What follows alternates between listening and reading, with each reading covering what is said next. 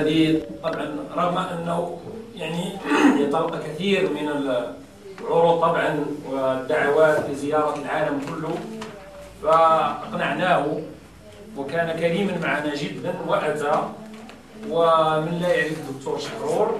كنا سعداء جدا مما قبل الدعوة وله كتب عديدة يعني حول الموضوع الذي نتدارسه اليوم منها الكتاب والقرآن. والدولة والمجتمع والإسلام والإيمان ونحو أصول جديدة للفقه الإسلامي فقه المرأة وهو بدأ في كل هذه الأبحاث منذ حوالي آه، أربعين سنة وبدأ في نشر في إطار يعني كتب آه، جامعة ويعني مقاربات علمية نادرة في العالم العربي الإسلامي منذ حوالي 20 سنة. فأشكره كمنظم لهذه آه، الندوة. شكرا جزيلا على يتفضل. بسم الله الواقع أبدأ بملاحظة أننا نحن الآن نعيش في عصر ما بعد الرسالات. إذا قسمنا التاريخ الزمني للإنسان عصور الرسالات وعصور ما بعد الرسالات والحد الفاصل بينهم هو محمد بن عبد الله عليه والسلام هو الحد الفاصل بعد محمد عصر ما بعد الرسالات وقبله عصر الرسالات. ونحن الآن نعيش في عصر أفضل من عصورهم لأنه نحن لسنا بحاجة إلى رسالات وهم كانوا بحاجة إلى رسالات.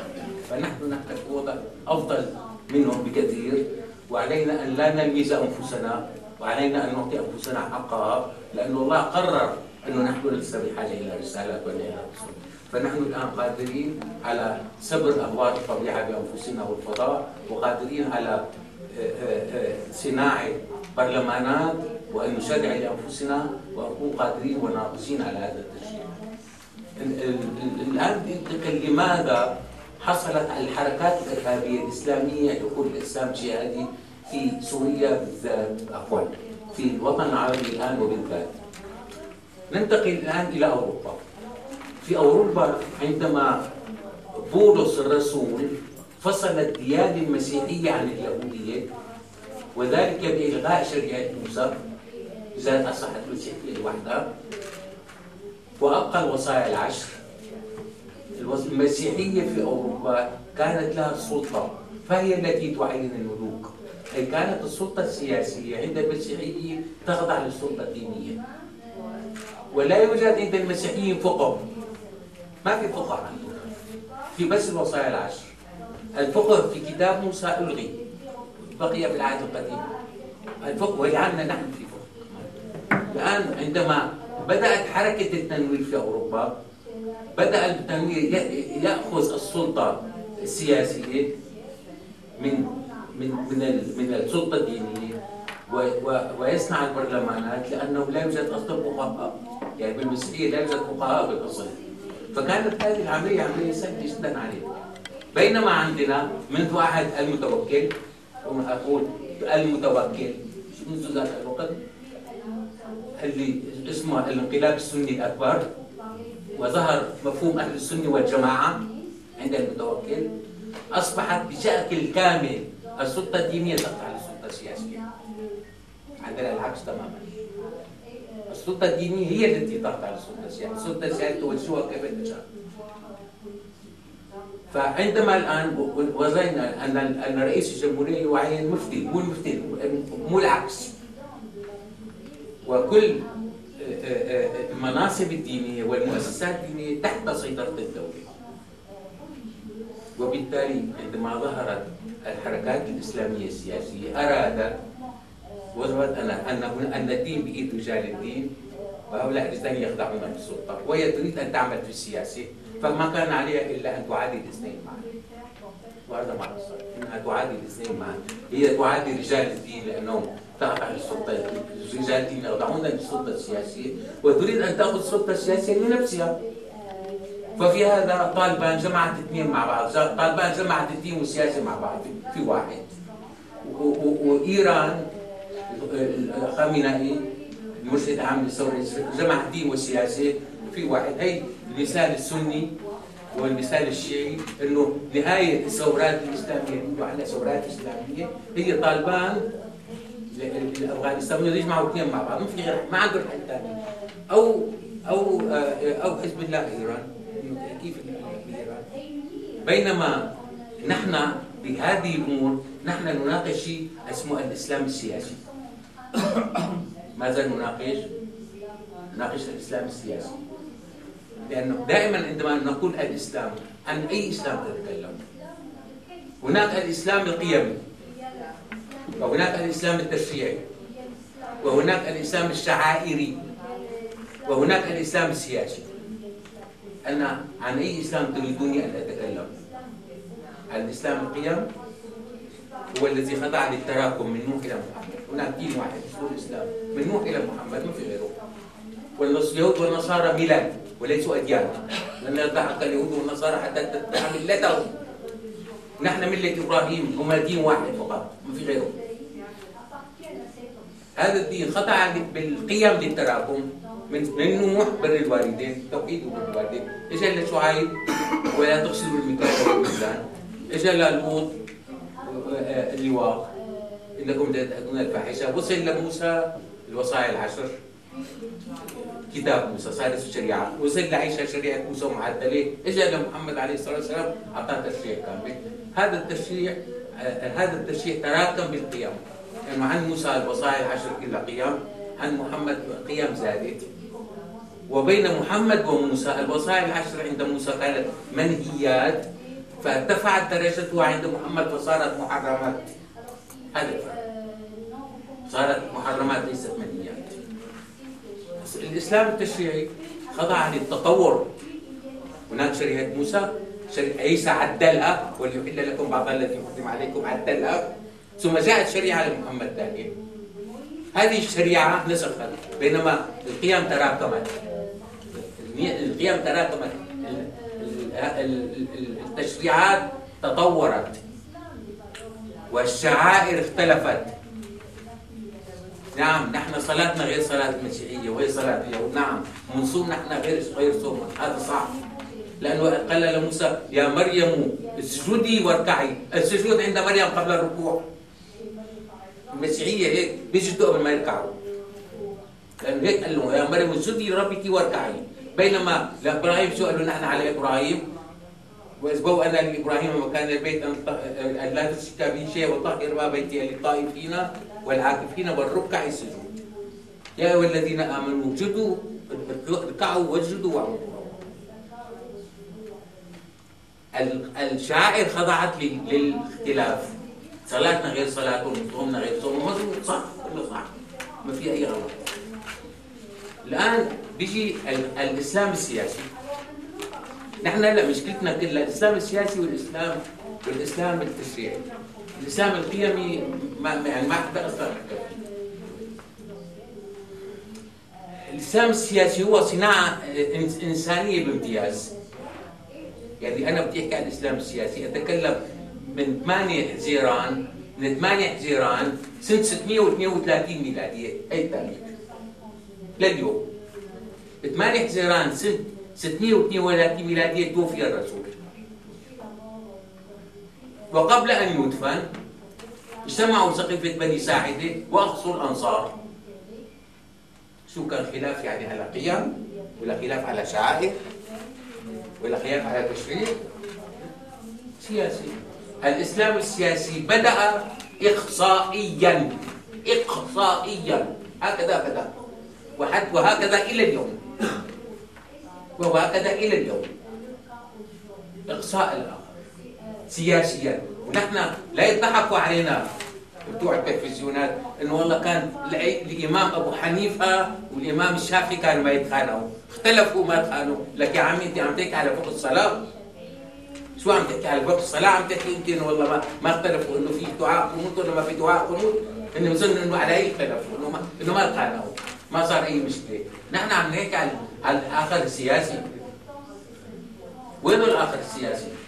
اقصاء موت تسمين قتل سحر. حتى كان وقت واحد يطلع باسم ديني ما يعطوه ردة إنه هذا مرتد. ذكر معلومه من الدين بالضرورة. كله هو عبارة عن اسباب سبب التصفيات السياسية. وهذا هو سبب ظهور الفرق بالإسلام. إنه هي بقى بالأساس فرق معارضة سياسية. هي بالأساس هيك. اعطوها شكل ديني مشان مشان يدقوا فيها مشان يلقوها إنه هي مرتدة هي هرطقه هي زندقه هي هي كلام وتروح الفتنة نايمه لعن الله ما الله الآن في شغلة كثير مهمة. بدنا نحن كثير ندقق. نقرأ أحاديث لها علاقة بالسياسة. بدنا نكون بدنا نكون حذرين جدا. كثير بدنا نكون حذرين. وأول هذه الأحاديث لها علاقة بالسياسة العشرة المبشرين بالجنة. لا شوفوا الترتيب. أبو بكر عمر عثمان علي مرتبهم لا شو أنا ما لا أتصور سيدي رسول الله لا أتصور إنه واقف سيدي رسول الله بالمدينة المنورة وقال أسماء العشرة المبشرين بالجنة والأنصار عم تسمعوا ما في واحد. وكلهم قرشيين كلهم قرشيين والأنصار عم يسمعوا. شو كانوا يقولوا أبوك أبوك شو بدي أقول لك علما إنه الأنصار احتجوا عليه وتوزع غنائم حنين احتجوا الأنصار على إنه إنه ما اعطيتنا شيء ما سكتوا له. فيعني بين لكم؟ شو عليكم بسنتي وسنة الخلفاء الراشدين. لك يا عيني عم يقول سنة الخلفاء معناتها اللي عم يسمعوا هي قال العهد. واللي تعرف يعني بيعرفون يعني السابق ما يصيروا بيعرفوهم من هن. شو هالحكي سنة الخلفاء الراشدين انت عم تسموا ما انت بتعرفون مفضل يعني فالامور هي دائما كل احاديث تشتم منها رائحه السياسة بتوقفوا يعني بتوقفوا عندها يعني ما طويله الان أنا آه، بالفقه الاسلامي الفقهاء الاربعه أو الخمسه جعفر الصادق فقط هذا الخامس الفقه الاسلامي بني في ظل سلطه مستبده دوله امبراطوريه كثير هي يعني كانت اقوى دوله في العالم ابو حنيفه مات 147 هجري الدولة الامويه قضي عليها 632 هجريه جعفر الصادق تقريبا معه نفس الوقت مات ولد الشافعي 150 هجريه مات 204 ولد احمد بن حنبل 165 هجريه ولد البخاري 196 هجريه في القرن الفقه اسس في ظل دولة إمبراطورية قوية جدا كانت أقوى دولة في العالم. وكيف تريدون أن يفقه لها سياسيا؟ هذا اللي موجود؟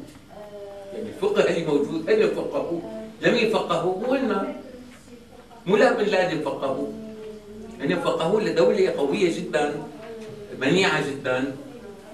عم يعطوها هذا عم يعطوها كل شيء بحاجة له يعطوها يعني. شوفوا لاحظوا مثلا تعريف الجهاد. يعني جبت أمثلة.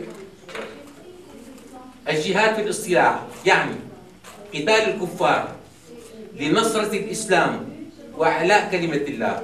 هذا العسقلاني في شرح البخاري. الأم للشافعي. الجهاد فريضة يجب القيام به سواء حصل من الكفار اعتداء أم لم يحصل. هذا الشافعي. الشوكاني غزو الكفار ومناجزة ومناجزة أهل الكفر لحلبهم على الإسلام أو تسليم الجزية أو القتل. وهذا معلوم من الدين بالضرورة. وهذا معلوم من الدين بالضرورة. سوري فتحت أنا بعد إحداث 11 سبتمبر فتحت كتاب عبد الله عزام. تسمع في عبد الله عزام؟ نعم، نعم. مؤسس القاعدة. له كتاب اسمه الجهاد تحته عاد قريته مش ايات الأفغان في إيمان الأفغان. الجهاد اسمه الجهاد تأليف عبد الله عزام فتحت الجهاد ما في سطر واحد جابه من عنده. كله مراجعه مضبوطة. يا سيدي المراجع التي تستعمل القاعدة والحركات الجهادية هي نفس المراجع التي تدرس في الأزهر وبالسعودية وبالأردن وبسوريا وبالمغرب نفسها. ما في مرجعية مرجع واحد. لهالسبب إذا قعد شيخ مثل القرضاوي مع شيخ مثل ايمن الظواهري تقابلوا علنا الظواهري بيغلبوا للقرضاوي لأنهم لهم نفس المرجع مرجعيه واحدة مو اثنتين مرجع هون مرجع لسبب ما شفنا إلى الآن بالتلفزيون واحد من طرف الجهاديين وواحد من طرف اللي قال عنهم المعتدلين عادوا كوزوا ما شفنا. لأنه لأنه المرجع هذا هذا يؤمن بالناسخ والمنسوخ. وهذا يؤمن بالناسخ والمنسوخ هذا يؤمن باسباب النزول وهذا يؤمن باسباب النزول هذا يؤمن بمفهوم السني عند هذا هو نفس الاصول مفهوم السني عند هذا. طيب ما كل الأصول واحدة عنكم شلون يعني؟ وهذاك هي الفرق والانتقائيه يعني واحد بينقي. عم ينقي شيء بيعرفه ما بتشوفهم بالتلفزيونات. وقت بيحكي على السلم انجنحوا للسلم يفجلح لا مثل ايات شو بده؟ شو الآية اللي بتلزمه؟ بيستعملها. هدول ولا هدول؟ وبيجي بتقول له بقية الآيات بيقول لك هذيك منسوخه فمعناتها نحن لحل المشكلة. كونه الأصول الأصول التي وضعت وسميت أصول الفقه الإسلامي. هي صناعة إنسانية بامتياز مو الله حط الأصول تبع الفقهاء مو الله. وضعها ناس الشافعي احمد بن حنبل أبو حنيفة ابن قدامة كل هدول اللي واضعين الأصول. هدول ناس. هلا وضعوا الأصول ودائما خلينا نعرف حقيقة دامغة أن المعرفة أسيرة أدواتها. لا يمكن إنك تكون أنت أسير للأداة المعرفية انت تتبعها وأعطيكم مثال شو معنات المعرفة أسيرة أدواتها. سابقا استعملوا في علم المواريث آيات المواريث يوصيكم الله في أولادكم للذكر مثل حظ الأنثيين إلى آخره. ثلاث آيات المواريث استعملوا العمليات الحسابية الأربعة. بس. ضرب وطرح وجمع وتأثير هلأ هن وهي الأسير الآلية وأسيرين إنه كان في عندهم عشيرة. اللي عم يحط هذا في عنده عشيرة وقبيلة وابن عم وكذا. وإنه المراه مسؤولة. يعني عنده المفهوم الاجتماعي الاقتصادي كان عايش فيه كان يعني وعايشه والعمليات الحسابية الاربعه طلع شيء اسمه علم المواريث اللي عندنا ظانين إنه هذا والله علم شو هلا جيت الادوات المعرفية. الآن الآن أنا أضفت للعمليات الحسابية الأربعة التحليل الرياضي والهندسة التحليلية. ونظرية المجموع و... و... و... ونظرية الاحتمالات والرياضيات الحديثة. طلع معي علم المواريث جديد اطلاقا. هلأ شو بيقولوا؟ لا نحن بدنا نجدد الفقه بس لا تدروا الثوابت. لك عيني إذا كان ما ما, ما خرقت الثوابت ما بيتجدد. شو بدك تجدد؟ أصلا التجديد هو خرق الثوابت هذا التجديد لكن شو بتأمر يعني؟ يعني إنه جددوا هن علوم الطبيعة. كانت الطبيعة عبارة عن النار والماء والهواء والتراب إنه هدول الثوابت. لا تقدروا لكن شو بتساوي؟ إنه خليك عليهم قاموا تجاوزوا طلع جدول مندليف بالكيمياء تجاوز الثوابت كلها خرقوها. بس كل شيء صحيح بأول انتقل للثاني كل شيء صحيح بأول انتقل للثاني فمعناتها نحن في عنا نظم معرفية جديدة وأدوات معرفيه جديدة نتعامل بها مع كتاب الله. ما بدنا نتعامل مع كتاب الله مثل ما نتعامل مع أبو كثير ابدا. وما لنا مضطرين نتعامل معه بالطريقة. لا مضطرين نتعامل مع كتاب الله مثل ما تعامل عبد الله بن عباس. نعم عبد الله بن عباس. ما لنا مضطرين. هلا بتقول لي إنه إنه السلف ما ساوى هيك علم المواريث أنا جوابي هو مالي. مين مؤلف علم المواريث الله ولا محمد؟ إذا كان مؤلف محمد بدي صحيح إذا كان مؤلف الله أنا ما بدي صحيح لأنه الله بيعرف تحليل رياضي وبيعرف نظرية مجموعات وبيعرف هندسة التحليل نعم. هذا الله بيعرف بس هذنك لا. فحقنا حقنا إنه نحن نستعمل نظم المعرفة الجديدة أدوات المعرفة. هذا حقنا ونحن متطورين أكثر بكثير بكثير بكثير من كل سلفنا على الإطلاق. بس يكون عندنا الإرادة هي. الآن أول عملية تغيير بالنسبة للقضاء على الإرهاب بكتاب الله ما في شيء اسمه شهيد ومات ما في إنه والله فلان قتل صار شهيد ليه؟ ليه شهيد؟ بكتاب الله جاء الشهيد 160 مرة ولا مرة واحدة له علاقة بالقتل أو الموت ولا مرة واحدة منين جبتوها؟ إنه مات يعني شهيد منين جبتوها؟ الشهيد ادعوا شهداءكم بالمصحف مرتين جاي. جاي للناس إنه إن كنتم في ريب مما نزلنا على عبدنا فأتوا بسوره من مثله وادعوا شهداءكم طيب أنا اذا قلت له لحماس ادعوا شهداءكم من هذول الرنتيسي يعني. هلا واللاتي يأتين الفاحشة من نسائكم فاستشهدوا عليهن أربعة منكم استشهدوا. وعقد البيع فاستشهدوا رجلين. وإن لم يكونا رجلين فرجل وامراتان ممن ترضون من الشهداء. ولا يضار كاتب ولا شهيد. شهيد هذه شهيد عقد البيع شهيد. نعم. والشهيد هذا شهيد واقعة الزنا والذين يرمون المحصنات ثم لم يأتوا بأربعة شهداء فاجلدوهم ثمانين جلدة أنا مرة واحدة بس. قالوا لي إجا بالمصحف شهيد ومعه موت. مرة واحدة ما في. والله على كل شيء شهيد. الله من من أسماء الله الحسنى. مات يعني؟ اثنين المسيح ابن مريم لقد كنت شهيدا عليهم ما دمت فيهم. لقد كنت شهيدا ما دمت فيهم. فما ما توفيتني كنت أنت الرقيب عليهم.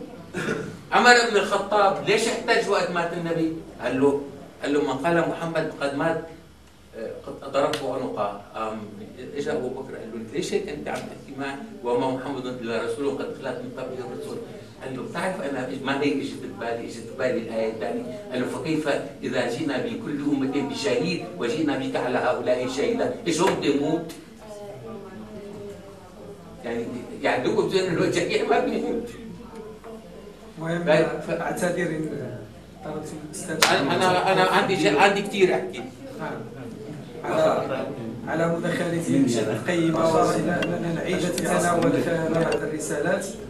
وقام بتعريف للإسلام السياسي الذي اعتبره انطلاقا منذ وفاة النبي في سنة 632 وكذلك بأنه هناك مجموعة من الأنظمة السياسية كطالبان وإيران التي تجمع بين السياسة والدين في نفس الوقت. وفي وفي النهاية سيتدخل الآن الأستاذ منجيب المعطي أستاذ باحث في مع الدراسات الإفريقية وغني عن التعريف الحقيقة الأستاذ شحرور أتانا من بعيد وبموافقة الأستاذ عبد الحالي حميد الدين سأعطيه عشر دقائق من تدخلي وأتدخل فقط عشر دقائق. إن هناك حاجة في احسست يعني أنا هنا دائما موجود في المغرب وفي الرباط. ويمكن أن أتكلم وان اكتب في الصحافه إلى آخره فليتفضل مشكورا حتى يتمم لأنه بقيت له حوالي عشر دقائق. يتمم وبعد ذلك اتدخل فقط عشر دقائق. القرآن لم يربط إطلاقا بين الشهادة والشهيد والقتل والقتال إطلاقا. الشهيد شيء آخر تماما غير القتل. الشهيد هو الحاضر الذي يقدم شهادة. الشهيد هو الصحفي. الذي في المعركة. ويسجل المعركة. ويقدمها للناس. إذا لم يقدمها فهو ليس بشيء إذا قدمها فهو شهيد لأنه قدم الشهادة قدم الشهادة اثنين. الذي يحتج على الاستبداد شهداء الرأي. ولو كانوا بالسجون شهداء الرأي هم شهداء ولو في سجون أحياء. وأحياء هدول شهداء. الكسندر فليمنج وقت شاف البنسلين هو أول واحد شهده. وقدم شهادته للناس. هذا شيء. المريض الإنسان اللي بيجي بيحط جسمه لدواء إنه تعالوا جربوه على جسمي فهو شهيد. لأنه عم يعطيك سمع عم يقدم شهادته إنه أي جسمي أنا عم اقدم لك شهاده الطبيب الهولندي اللي راح على على إندونيسيا وخلى حاله ينصاب بالكوليرا. ووصف الكوليرا وصف سريري. ثم مات. فهو سيد الشهداء. لذا قال سيدي رسول الله سيد الشهداء عمي الحمزة ورجل قام إلى حاكم ظالم فامره ونهى فقتله يعني هذا سيد الشهداء ما معه بارودة. وما أتى الحلب. ما أتى الحلب. لأنه صار شهيد لأنه شهيد متى صار شهيد حمزه بن عبد المطلب؟ عندما وقف وجاء إلى مكة وضرب وضرب آه، آه، أبا جهل على رأسه وقال أنا على دينك اشهد واللي عنده بده يقابلني يطلع يقابلني هنا صار شهيدا. فهؤلاء هم الشهداء لا سبب رب العالمين حطهم مع الأنبياء. وجيء بالنبيين والشهداء. يعني كل جماعة جائزته وكل المخترعين كل هدول كلهم هدول شهداء من الطراز الأول الصحفيين مصوري الصحف الرأي شهداء الرأي كل واحد قدم شهادة ولو على عقد علنية علنية وشهد هيك ترتيب رب العالمين. أما الشاهد فهو المعرفي. أما الشاهد فهو المعرفي. يعني الشهيد سميع بصير والشاهد عليم خبير. بمرت يوسف برأية العزيز كانت في جدران مغلقة مع يوسف. ما كان في أحد معهم. بعد ما فتحت العملية شو قال؟ وشاهد شاهد من أهلها. هذا اسمه شاهد. مو شاهد لأنه ما كان موجود عن قدم خبرته. إن كان قميصه قد من دبر وإن كان قميصه قد من قبل الرسول عليه الصلاة والسلام هل طلع لعن الله وقعد معه شاف حاله واحد؟ إنه أنا رحت لعن الله وقعد مع الله طلع واحد. ما هو صار لسه يا أيها الرسول إنا أرسلناك شاهدا. مو شهيدا شاهدا له قال له انت شاهد على الوحدانيه فنحن نشهد أن لا إله إلا الله شهادة شاهد مشاهده الشهيد لأنه نحن ما شفنا الله ولا عرفنا معه. بس نحن عرفنا. فهذه شهادة الشاهد وهذه شهادة الشهيد. شهادة الشهيد أبلغ لي على وزن فعيل والشاهد على وزن فاعل. نجي آه، آه، بعد ما يعني هي كلها بسرعة نخلص إنه الشهاده ما لها علاقة بالحرب يعني. وشهيد إنه بالجنة النبي أخذ لقب النبوه وهو طيب والشهيد بيأخذ لقب الشهاده وهو طيب والصديق أخذ لقب الصديق وهو طيب والصالح يأخذ لقب الصالح وهو طيب هو ميت ما بيأخذ لقب شيء. منية نجي بقى لمفهوم ثاني هو العباد والعباد نحن في الدنيا عباد الله ونحن لسنا رزق الله. نحن لسنا رزق الله. يعني نحن ما نرق حتى لله لأن الله ما طلب ما طلب العبد في اللسان العربي تحمل معنى الضد. العبد يعني الطاعة والعبد يعني المعصية. الاثنين وما خلقت الجن والإنس إلا ليعبدون أي ليكونوا عبادا لي يطيعونني بملء إرادتهم ويعصونني بملء إرادتهم ومن أجل هذا خلقتهم مو مشان يشغلوا لا. شغلتهم لأكون عندهم حرية الإرادة بس والاختيار هذا. إذا كان واحد بده يعصي ممكن يكون عابد له القرآن طبعا. إذا كان قل إن كان للرحمن ولد فأنا أول بالعابدين. قال له إذا طلع للرحمن عنده ولد أنا أول واحد بدي أكفر فيه. مو بدي مو بدي بدي أكفر. قل إن كان للرحمن ولد فأنا أول العابدين أنا أول من بدي أكفر فيه أنا. والعابدين من المعنى الثاني إياك نعبد وإياك نستعين. بعثنا لكم عبادا لنا. هذا الطرف الإيجابي. الطرف السلبي قل يا عبادي الذين أسرفوا على أنفسهم لا تقنطوا الله. أي السلبي الإيجابي وعباد الرحمن الذين يمشون على يوما والسلبي والإيجابي معا. والنخل باسقات لها طلع نضيد رزقا للعباد. للكل. عباد. نحن عبيد الله في اليوم الآخر فقط في يوم الحساب. فقط. وجاءت خمس مرات في كتاب الله. العبد خمس مرات. والخمس مرات في صيغة واحدة يجب. وما الله بظلام للعبيد. وما ربك بظلام للعبيد. وما أنا بظلام للعبيد. لأنه في اليوم الآخر نحن ليس لنا رأي وليس لنا قرار. نحتاج إلى حاكم عادل فقط. ما ليس لنا شيء. أما هو لنا شيء. لذا الرق سماه بالقرآن الكريم العبد المملوك. مو عبد عبد مملوك ضرب الله مثلا عبدا مملوكا لا يقدر على شيء. يعني الرق بالقرآن مو مو عبد اسمه عبد مملوك. بينما نحن نقول عبد يعني رق. فنحن العبودية لله يا سادة. العبودية لله غير مطلوبة. فإذا كان هناك عبودية في هذه الأرض فهي لغير الله. بس. لا يوجد عبودية لله إطلاقا فإذا كانت هناك عبودية فهي لغير الله. حكما ولا تقبض تقبضوا الحكي العبودية تسوق العبودية. شو عبودية؟ أنت عم تحكي عن العبوديه مو مطلوبة أصلا. العبودية غير مطلوبة. يا وليش وليش نحن عم ناخذها طوعا؟ نحن عباد الله ولسنا عبيد الله. في الدنيا نحن عباد الله ولسنا عبيد الله.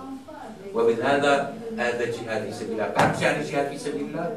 من أجل عبادية الله للناس. الناس الله أي عندما الجهاد لا يكون في سبيل الله إلا إذا كان في سبيل حرية نقطة. ما عدا ذلك فهو ليس في سبيل الله. ما عدا ذلك فهو ليس في سبيل الله. حتى في سبيل الوطن أوكي ما في مشكلة. الجهاد مشروع قتال كله مشروع. لا تقول في سبيل الله؟ لا. القتال في سبيل الله هو في سبيل حرية الاختيار للناس للناس جميعا. هذا جاء في سبيل الله. هذه كلمة الله التي سبقت بها الأرض شكرا. أنا ممكن بس اقرا لكم اقرا بس نص صفحة إذا ممكن. بس دقيقتين إيه طبعا الشهادة والشهيد لا علاقة لا علاقة لهما بالقتل والقتال والموت. والشهيد لا يمكن أن يسمى شهيدا إلا وهو على قيد الحياة وأن يقدم شهادة علنية. والشهداء مع الأنبياء والصديقين والصالحين. ونحن نعلم أن لقب النبي يكتسبه الإنسان بالوحي وهو حي. ولقب الصديق يكتسبه الإنسان وهو حي ولقب الصالح يكتسبه الإنسان وهو حي. وكذلك الشهيد يكتسبه وهو حي. ومثل سجراء أو لتجربة اكتشاف أو لنقل حدث إلى الناس. ومن يقبل يجرب على نفسه دواء سواء قتل أم لم يقتل. وتسمية قتل الحروب شهداء ليست أكثر من مصطلح سلطوي بحت والسلطة أو مؤسسة الموت عندما ترسل الناس إلى حتفهم فهي تعرف أنها لم تدفع لهم شيئا. راحوا على الجل يلا. ما حدا بيطالبها بشيء وفي حال موتهم لا يستطيعون مطالبتها بشيء لأنه مات. فالأموات لا يطالبون بشيء ولا يحاسبون أحدا على قراراته. ولماذا أرسلهم إلى حتفهم وتعدهم بالحور العين والجنان وهذا من اختصاص الله وليس من اختصاصها لذا اخترعت الشهادة والشهيد في القتال والقتل واستهتروا بحياة الإنسان. لذا فإننا في وعينا الجمعي لا نتأثر بعدد القتلى ولو كان كبيرا. ولو كان نتيجه خطا في السياسات أو القيادة أو الأحكام. والشارع العربي يقولها بكل بلاغة. ان الجيوش الاجنبيه الكافره لا تتحمل الخسائر الكبيرة في الأرواح. بدون أن نعرف أن مسؤولي هذه الدول سيخضعون للمساءلة من قبل شعوبهم. لانهم شعوب تقدس وتحترم الحياة. التي وهبها الله لها وتعتقد أن حياة الإنسان تطول وتقصر. ومهمه الناس الحفاظ عليها وتأجيلها. أما نحن فنقيم عرس الشهيد قتلنا ونطلق الزغاريد والمكافآت وهذا محض هراء شكرا. للمؤثرة القارة على المستوى الدولي ومنها آه، مجلس إذا نمر اللحظة إلى النقاش أو المناقشة. يدخلوا ونسجلوا اللائحة أنا عادة بالنسبة للمقاربه الامنيه ما هو حاصل أحيانا بالنسبة لبعض المثقفين والاعلاميين حينما نتناول المقاربه الأمنية نتناول بالمعنى السلبي. وكأنها غير ضرورية. يعني هنالك من يعارضها اطلاقا. بينما علينا أن نوضح أن المقاربة الأمنية مقاربة ضرورية إلى جانب كل المقاربات الأخرى. ربما قد نتحدث عن تجاوزات ما يمكن نتفقوا اللي ممكن تكون أما أن تتبع الدولة مقاربة أمنية اللي هز قنبله ما غاديش نمشي نقول أجي تناقش الأفكار.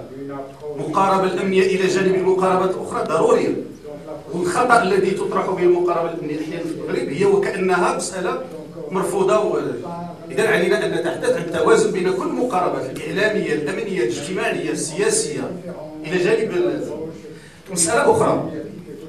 طبعا بالنسبة للقانون ديال الارهاب كما طرح بالنسبة للمغرب الأخ حميدين يعرف هذا. ان صوت عليه بإجماع في البرلمان المغربي. ليس قانونا مفروضا. وهنا كتطرح مسألة أخرى. إلى جانب طرح مسألة المقاربه الامنيه بالنسبة للأخ يتحدث وكأن كل ما هو اتي من أمريكا مرفوض. إذا كان هنالك تنسيق دولي لمحاربة الإرهاب فمرحبا به.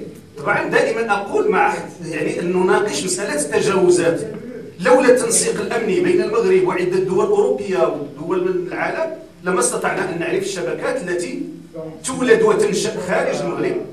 مثلا كما حصل مع الخليه اللي جات من بلجيكا وفرنسا وكذلك التنسيق الأمني الدولي في إطار الحرب الدولية على الإرهاب مسألة واجبة. وعلينا حينما نناقشها أن لا نتحدث عنها وكأننا نرفضها اطلاقا. قد نرفض جزء قد تحصل فيه تجاوزات نفس الشيء بالنسبة حينما تطرح في المغرب مسألة وضعيه الجهاديين في السجون. صور الأخ وضعيه الجهاديين في السجون وكان وضعيه كارثية. بينما ما قراناه نحن وما صوره الاعلام أنهم كانوا في بعد السجون يتوفرون على إمارات خاصة بهم. كانوا يعيشون في بحبوحة. كانت لهم أوضاع جعلت في القريطره مثلا أن الجناح ديال الجهاديين لم يستطع أن يصل إليه الحراس لأن من وصل إليه يكفر أو يهدد. الشيء الذي آه، استعانوا من خلاله ببعض الجمعيات الحقوقيه التي كانت تمارس نوع من التغطية عليهم. هي تصورهم في الخارج وكأنهم آه، يعيشون تحت التعذيب. وهم في نفس الوقت يعملون على توفير ذلك النفق الذي سيهربون منه. علينا أحيانا أن ننتبه هذا كنقول حتى لاخواني الحقوقيين. نعم كلمة واحدة سيدي. دقيقتين الله يجزيك نعم داكور غير بالنسبة لواحد النقطة اساسيه اقولها أحيانا لإخواني الحقوقيين علينا ان نكون حذرين. إن الإرهابيين خطيرين في الآليات ديال الاشتغال ديالهم. وأحيانا يوظفوننا لكي نغطي على أعمالهم. يوظفون مسألة حقوق الإنسان ويوظفون موقع الضحية وكأنهم ضحايا. بينما هم في العمق يخططون لما هو أخطر هم يحبون الحقوق الإنسان حينما تدافع عنهم. ولكنهم هم أكبر أعداء لحقوق الإنسان. شكرا. جمال هو السؤال الذي واجه به معتقل الحق العام الأستاذة آسيا الوديع كانوا يسألونها هل تريدوننا أن نكون إرهابيين حتى نحصل على نفس الحقوق التي يتمتع بها الإرهابيون داخل السجون؟ وهذا دليل على أن الإرهابيين داخل السجون لم يكونوا في الواقع في السجون. كانوا في محميات ولا كانوا في أماكن غير يمكن نسميوها أي اسم إلى أنها معتقلات الجانب الآخر ذكر الأستاذ عبد العالي أن الملك يتجول بحرية في الدار البيضاء وفي المدن الأخرى. هذا دليل على أن الأمن متوفر ولكن السبب وراء توفر الأمن هو فاعلية الأجهزة الأمنية. إذ لولاها لما تجول الملك ولما تجول حتى المواطنون العاديون في المدن الرئيسية وليس الشعبية النقطة وهي سبق للسلفيين الجهاديين المعتقلين من داخل السجون أن وجهوا 30 سؤال للفقهاء وعلماء المغرب ولم يجيب عنا أي واحد من فقهائنا وعلمائنا وهذا كيميز أنا أجيب أنتم في المشرق خبرتكم وتجربتكم ومواجهتكم لتطرف كل أشكاله. مكنتكم من مراكمة رصيد معرفي وفقهي كبير يجب أن يفتقدوا إليه فقهاءنا اليه حتى المثقفين ميزكم أنتم فعل التراكم التاريخي وان اصبحتم مؤهلين لمواجهه هؤلاء المتطرفين بفقه بندره جديده وادوات جديده لازم نحن في المغرب وصلنا الارهاب والتطرف المتاخر لازم نفتقر الى هذه الاليات Parce que je pense que effectivement, on ne peut rien comprendre au djihadisme si on se limite à l'explication par l'islam, par... il faut absolument le mettre dans un contexte, et que c'est bien dans la suite de ce qui s'est passé, en tout cas au Maroc, je connais d'autres, d'autres pays, et en Tunisie et ailleurs, c'est bien les héritiers, je dirais pratiquement, euh, des mouvements marxistes, avec d'autres référents, mais dans, une suite, dû à, un changement de contexte. Euh, je voudrais quand même euh, revenir un peu sur ce mot terroriste, par une peut-être une boutade, pour vous dire que mon père a été condamné par contumace pour terrorisme. Pourquoi Parce qu'il était parti rejoindre De Gaulle.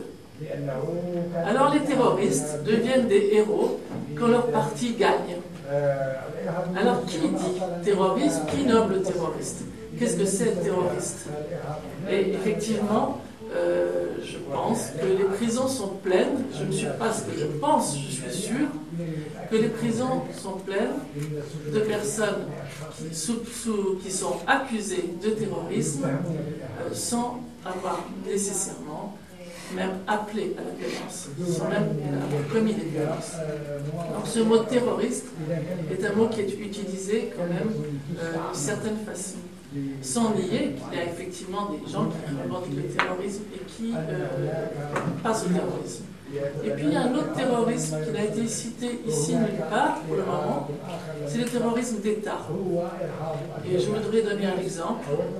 C'est au Chili, un certain 11 septembre, mais pas le même 11 septembre, quand le palais de la Moneda, où était Allende, a été euh, bombardé par les Américains. Et pour finir, simplement pour dire, euh, disais Bush, euh, l'administration de Bush se réfère au christianisme et c'est nouveau. Je dirais non, parce que tout ce qu'a fait Pinochet au Chili, pour prendre un exemple plus loin de vos airs, tout ce qu'a fait Pinochet au Chili, c'était au nom de l'idéologie chrétienne, judéo-chrétienne. وأخو يتعلم ما قالوه من المداخلات أيضا في تعريف الإرهاب أعتقد أن يجب أن يوجد تعريفان تعريف واحد هو توهم امتلاك الحقيقة المطلقة دوغماتية توهم امتلاك الحقيقة المطلقة هو منطلق للإرهاب الحرية. والتعريف الثاني تعمد الاعتداء بوسيلة أخرى أو بطريقة أخرى على المدنيين المصادفين من العدو أو من غيره لتحقيق أهداف معينة. المدنيين المصادفين ليس اغتيالا تقتال واحد وتنتهي إنك تعتدي على المدنيين المصادفين سواء كانوا بالباص في الشارع إلى آخره. وهو ينطبق على الأفراد وينطبق على الدولة إرهاب الدولة كما تفعل أمريكا في القصف العشوائي في العراق وأفغانستان. هذا هو التعريف. بعدين كمان قمة الإرهاب أنا في نظري ليس القتل فقط لتفجير الأبرياء والمصادفين هو تهمة التكفير. التكفير تكفير المسلم. تجعل المكفر مرتدا وعرضة للقتل على أي يد أي إنسان طفل شاب عاقل مجنون يتقرب إلى الله. ولأن التكفير يصبح المكفر مواجه لله نفسه كأنه يتحضر هذه أنا أعتبره هو قمة الإرهاب وليس فقط ال- ال- العنف. ربط ال- الإرهاب بالمسلمين الحقيقة مش صحيح تماما. لأن الغرب يعتقد أن المسلمين هم العرب والعرب هم المسلمون. يفصل كثيرا بين بقية المسلمين والعرب ولذلك تنطبق التهمة أكثر ما يمكن على العرب على أساس أنه لا يعتقدون بوجود عرب غير مسلمين. لذلك نطالب بفلسطين ببقاء المسيحيين بالقدس بعودة المسيحيين إليها حتى يرى الغرب أن الفلسطينيين مسلمين ومسيحيين وما أشبه ذلك. وهذا يعود إلى القاعدة القاعدة لم يعني كفرت بالنعمة الديمقراطية العلمانية بالغرب لولا الديمقراطية العلمانية لما تمكن مهاجري المسلمين الذهاب للغرب ولا أقاموا جوامع ومراكز وأخذوا حقوقهم ولا نجحوا في تحقيق ما فشل عنه عبد الرحمن الغافقي في معركة بلاط الشهداء. توجد مساجد في روما في لندن في موسكو في كل مكان. لذلك يعني كانت هذه العملية التي قاموا بها بنيويورك وباريس ولندن وشرق أفريقيا الحقيقة هي التي أدت إلى هذه الإشكالات العرب هم الإرهابيون وبعدين لماذا تتركز على منطقة حول إسرائيل سوريا والأردن وسوريا السبب وجود إسرائيل. لولا وجود إسرائيل ولولا احتضان غرب إسرائيل ولولا العلاقة مع إسرائيل ما تركز الإرهاب على المنطقة. الإرهاب بسريلانكا كل يوم يحدث أليس كذلك؟ وكان بتشيلي لكن الإرهاب يبرز أكثر لأنهم صبغوا المقاومة بالإرهاب وهذه هي المشكلة وجود إسرائيل. بعدين مع احترامي للقول الشبكة العالمية الآن المخابراتية الرسمية كل مخابرات الغرب والعرب الآن مرتبطة بشبكة واحدة. وإذا طلع اسمك في بلد بتضل يطلع في كل البلدان. هذه مشكلة لأنه أحيانا بيختلط البريء بغير البريء. بعدين العمل الخيري قضي عليه نتيجة ال- الإرهاب. العمل الخيري العربي والمسلم انتهى بالإضافة إلى ذلك لكن هل يمكن محاربة الإرهاب بالإرهاب؟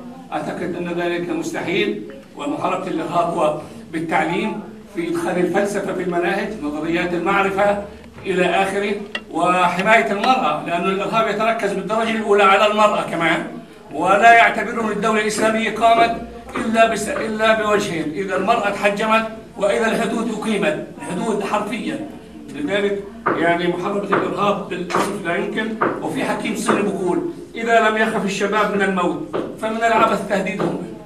لماذا تهدد واحد يموت بغير ذلك؟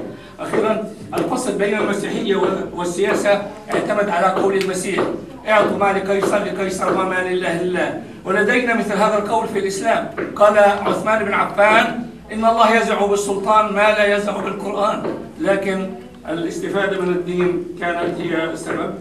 نقطة أخيرة أنا أعتقد لو يطلع المسلمون لو يقرأوا المسلمين والإسلاميين التوراة يفهموها لتراجع العنف وتراجعت الحدة إلى النصف أو الصفر لأنهم يعتقدون يتوهمون أنه لا يوجد هذه الأفكار إلا عندهم وإنها من صنعهم ومن إبداعهم. معنا مثلا فكرة اللوحة موجودة بالتوراة بقوة أقوى من فكرة بالقرآن وبالحديث. وهكذا. أخيرا كيف نفسر سيطرة الفقهاء الأموات كما يقول أوغست كونت مثلا علينا على الأحياء إلى اليوم. كيف نفسر يسيطرون علينا هذول. إذا ما كناش الزمخشري وابن كثير وعبد الفتاح ومسعود وأحمد لا أحد يسمع. شكرا. شكرا. شكرا المقصود هي ملاحظة بسيطة حول هذا ومداخلة الدكتور شكرو هو انه عندما قال بين السلفيين والجهاديين من المناظير السلفية هناك مرجعية واحدة. وأنا في الحقيقة ارى أرى في هذا القول تعميما يحتاج إلى تنسيب أو إلى إضفاء نسبيه عليه بحيث أن قراءة متن القرآن والسنة والحديث والفقه في في شتى المعاملات هذا في الحقيقة هذا مواضيع دينية فقهية مشتركة وليس هناك فرق كبير. ولكن ولكن الفرق الجوهري والذي يستحيل أن أن أن أن أن نتغافل عنه هو على المستوى السياسي. لأن المعتدلين يتمسكون بما جرى عليه الفقه الإسلامي الكلاسيكي من وجوه طاعة ولي الأمر وعدم شق عصا و... وعندهم مجال التحرك السياسي الوحيد هو النصيحة التي يجب إبداؤها مع... مع في السر. إلى غير ذلك من الإشكاليات ومن الفقه التقليدي الذي صاغه يعني أصحاب أصحاب كتب الأحكام السلطانية. يعني كل هذا يشترك فيه المعتدلون أو التقليديون في حين أنه الفقه الجهادي هناك هناك محو محو كل هذا التراث الإسلامي في في في مجال السياسة والحكم. ويقومون بعملية اتصالية مباشرة مع النصوص ويستوحون منها احكامهم احكامهم أحكامهم الجهادية. أي أنهم لا ينسبون هذه الأحكام سوى إلى عناصر على على العناصر المعاصره مثل المقدسي مثل مثل غير ليس هناك ليس هناك لا يجب أن نعمم ولكن بين المعتدلين والجهاديين في في السلفي هناك فروق واضحة. وهناك نقاط مشتركة ولكن هناك فروق واضحة فبالتالي أعتقد بأنه القول القول بأن هناك آه، مرجعية واحدة هو تهميم يحتاج إلى تنسيق. الشهادة أو كون الشهيد والذي ستكون له بالأكيد بعض التداعيات الخطيرة. لأنه بالأساس سيشكل اهتزازا وزلزالا بخصوص مجموعة الثوابت والبديهيات التي نعتبرها بديهيات. والأمر لن يقف في حدود من ينهلون من المرجعية الدينية بل بل سيمتد حتى للذين ينهلون من المرجعية اليسارية التقدمية التورية سابقا. لأن لكل حزب لكل حركة لائحة ديال الشهداء بل هناك من يضع على رأسهم عريس ديال ديال ديال الشهداء. ما مآل هؤلاء القتلى وهؤلاء الأموات إن لم حتى لا نقول شهداء. هذا من جهة. من جهة أخرى القيمة الرمزية. وبالاساس هذا الزخم الذي سيضمحل وسيندثر إذا ما طبقنا مقاربتكم لهذه المفاهيم. ألن يؤدي ذلك إلى نوع من التراخي إلى تخاذل إلى انتظارية في المواجهة في, في المقاومة بشكل عام من جهة ثانية كنطلب للأستاذ شحرور أنه يعطيني واحد الإضاءة على واحد الآية كريمة تقول ولا تحسبن الذين قتلوا في سبيل الله أمواتا بل أحياء عند ربهم شكرا. إلى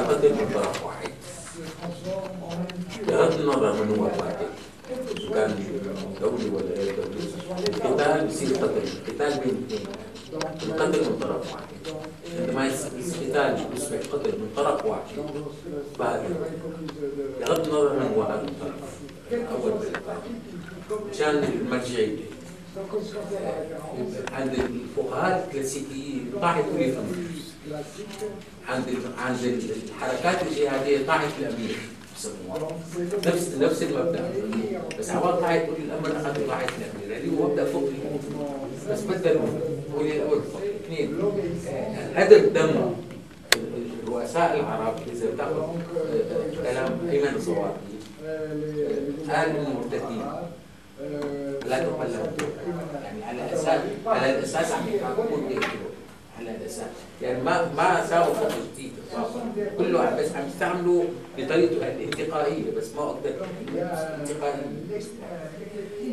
مشان قال تعالى ولا تحسبن الذين قتلوا في سبيل الله أمواتا. سيدي رسول الله بمعركه بدر شو قال؟ من حضر معركة بدر هؤلاء شهداء بدر. من المؤمنين والمشركين. من الذين قتلوا والذين بقوا على قيد الحياة. لذا قال النبي قتلاكم في النار وقتلانا في الجنة. ما في شهداء انه قتلوا فبتلاحظ في في في في كتاب القتل غير الشهادة. يعني ما له اي علاقه هلا القتل في سبيل الله أنا كما رايته شرحه شرحه شرحه تماما. إنه عندما تقاتل من أجل حرية الاختيار للناس جميعا.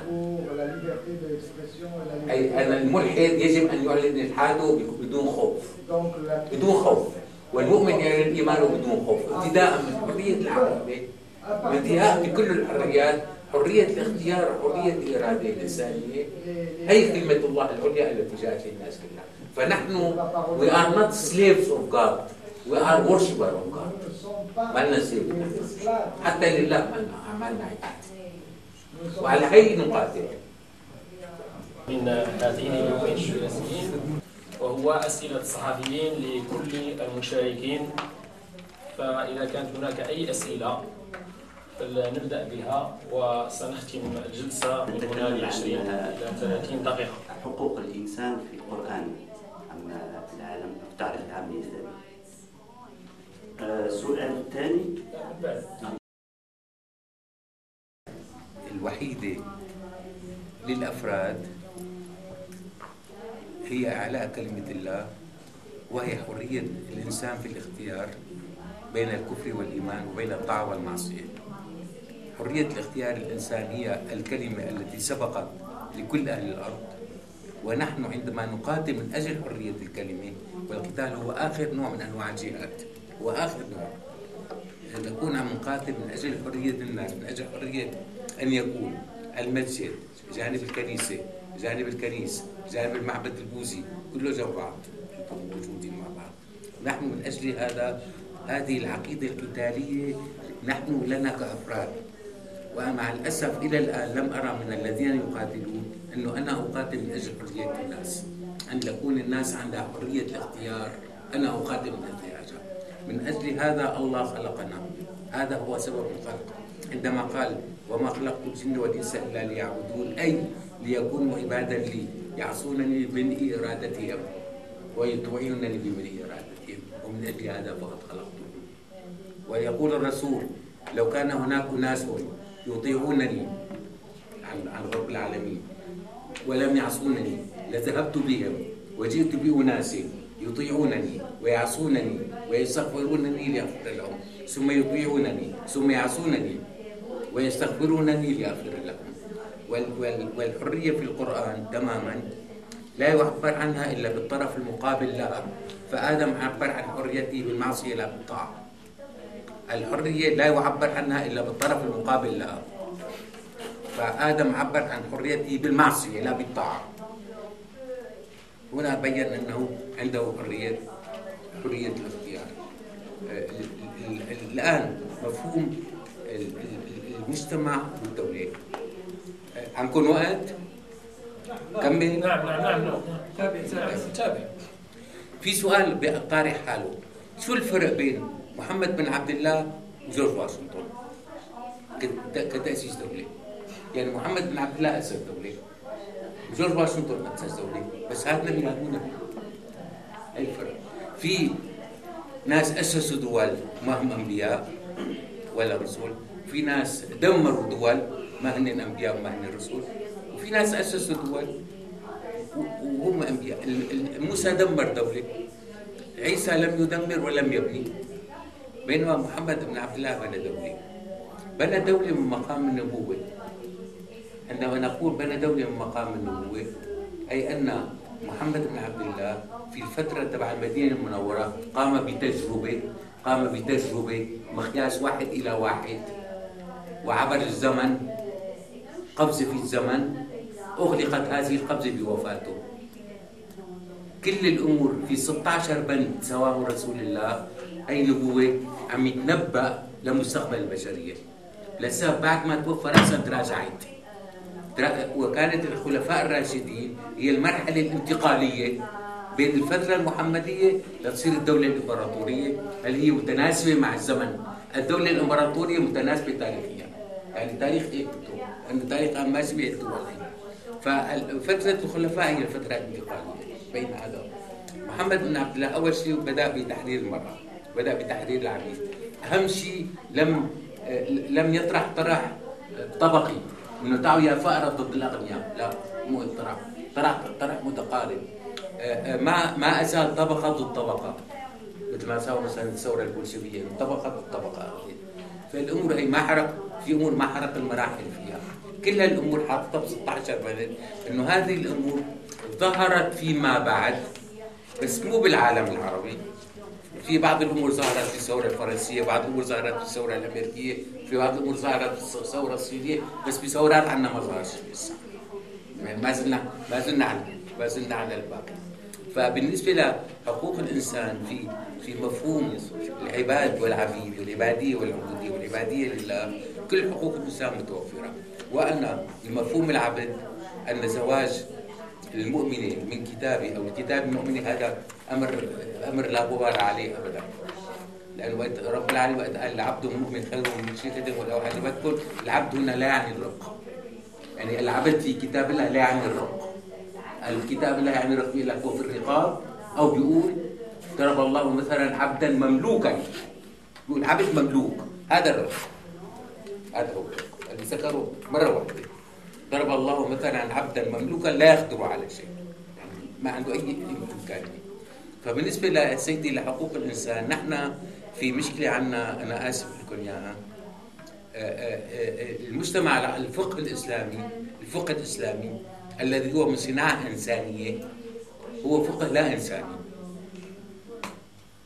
يعني البعد الإنساني بالفقه الإسلامي مفهوم مفقود ما في ما في بعد إنساني. اولا بتأخذ كل أنواع الفقه الإسلامي بكل أنواعه. ما حدا عرف كلمة المساكين. وبكتاب الله لم يذكر لم يذكر بند كما ذكر بند المساكين. وأقرأ تعريفات الفقهاء كله إلى اليوم هذا. المساكين هم ذوي الاحتياجات الخاصة المعاقين. لهم بند واحد. ولا حدا من الفقهاء المسلمين قال المساكين من المعاقين.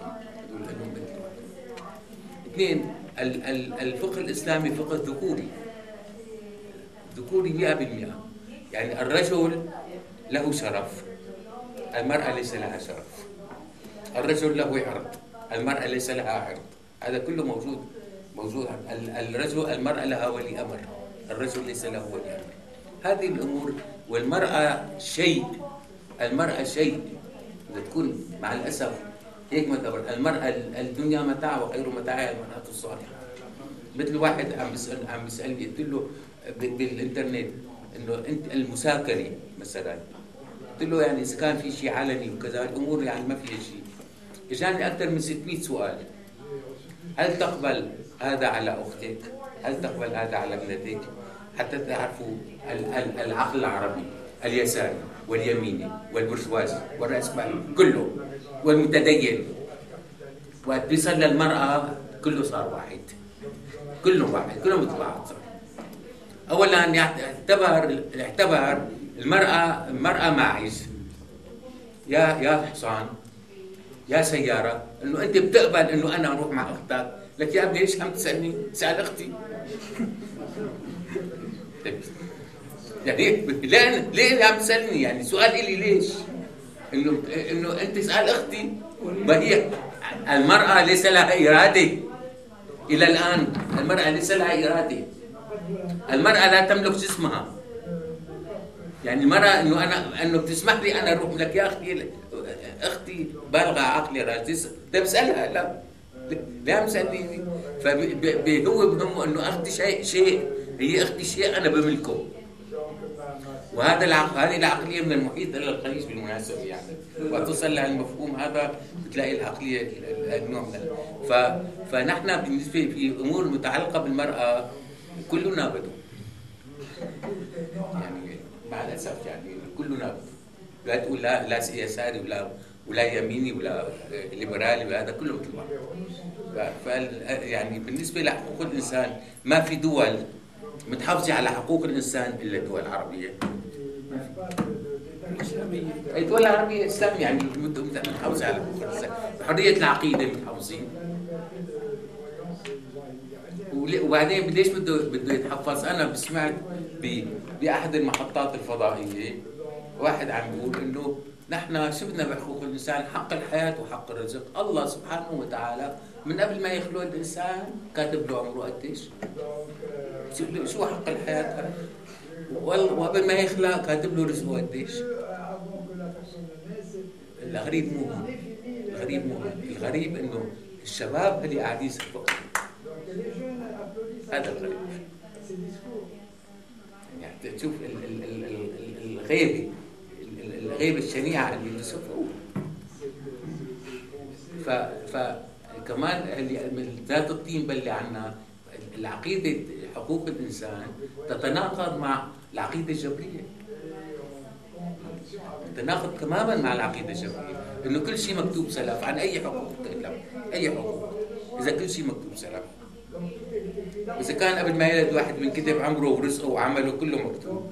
شو ليش أنا بدي احتج إنه والله اليهود عم يقتلوا فلسطين. إذا كان ليش بدي احتج؟ لا ليش بدي احتج؟ وإنه الأمريكان قتلوا ثانية واحدة 120 ألف ياباني بخمس جزر الله كاتب يموتوا هلا اللوح المحفوظ. الله كاتب هلا يموتوا شو الأمور هي فهذه العقيدة الجبرية عقيدة غير صحيحة. تتناقض مع القرآن. أعمار الناس تطول وتقصر. وأرزاق الناس تضيق وتتسع. ما مكتوب على حدا عمره. والقاتل عندما يقتل المقتول قصر له عمره. لا سبعة بنحكم عليه. بالإعدام نحن بنقصر له عمره. كمان القاتل قصر عمر المقتول نحن بنقصر له عمره. هاد هي هي هي الأمور أعمار مو مكتوبة. وأطباء الوطن العربي أنا بحكي عن سوريا عايشين ببحبوحة ببحبوحة عايشين. لأنه ما في مات خلص عمره. خلص. ما في تحقيق ما في ليش ما ليش كذا ما في ما في ما في ما في اطباء في العالم. مرتاحين مثل الأطباء بالعالم ما في. لأنه إيش ما بدك تعمل حتى الطبيب الملحد الطبيب الملحد بيعلق بالعيادة وإذا مرضت فهو يشفي إنه أخي مو أنا بدي اشفيك ما دخلني. يعني تصور هدول مستغلين هذه العقيدة الفاسدة انه كل شيء مكتوب سلف. هذه العقيدة الفاسدة كافية كافية انه تدمر الأمة. كافية. بالإضافة بالإضافة إلى العقل القياسي والعقل الترادفي. كمان واحد منهم بدمر أمة.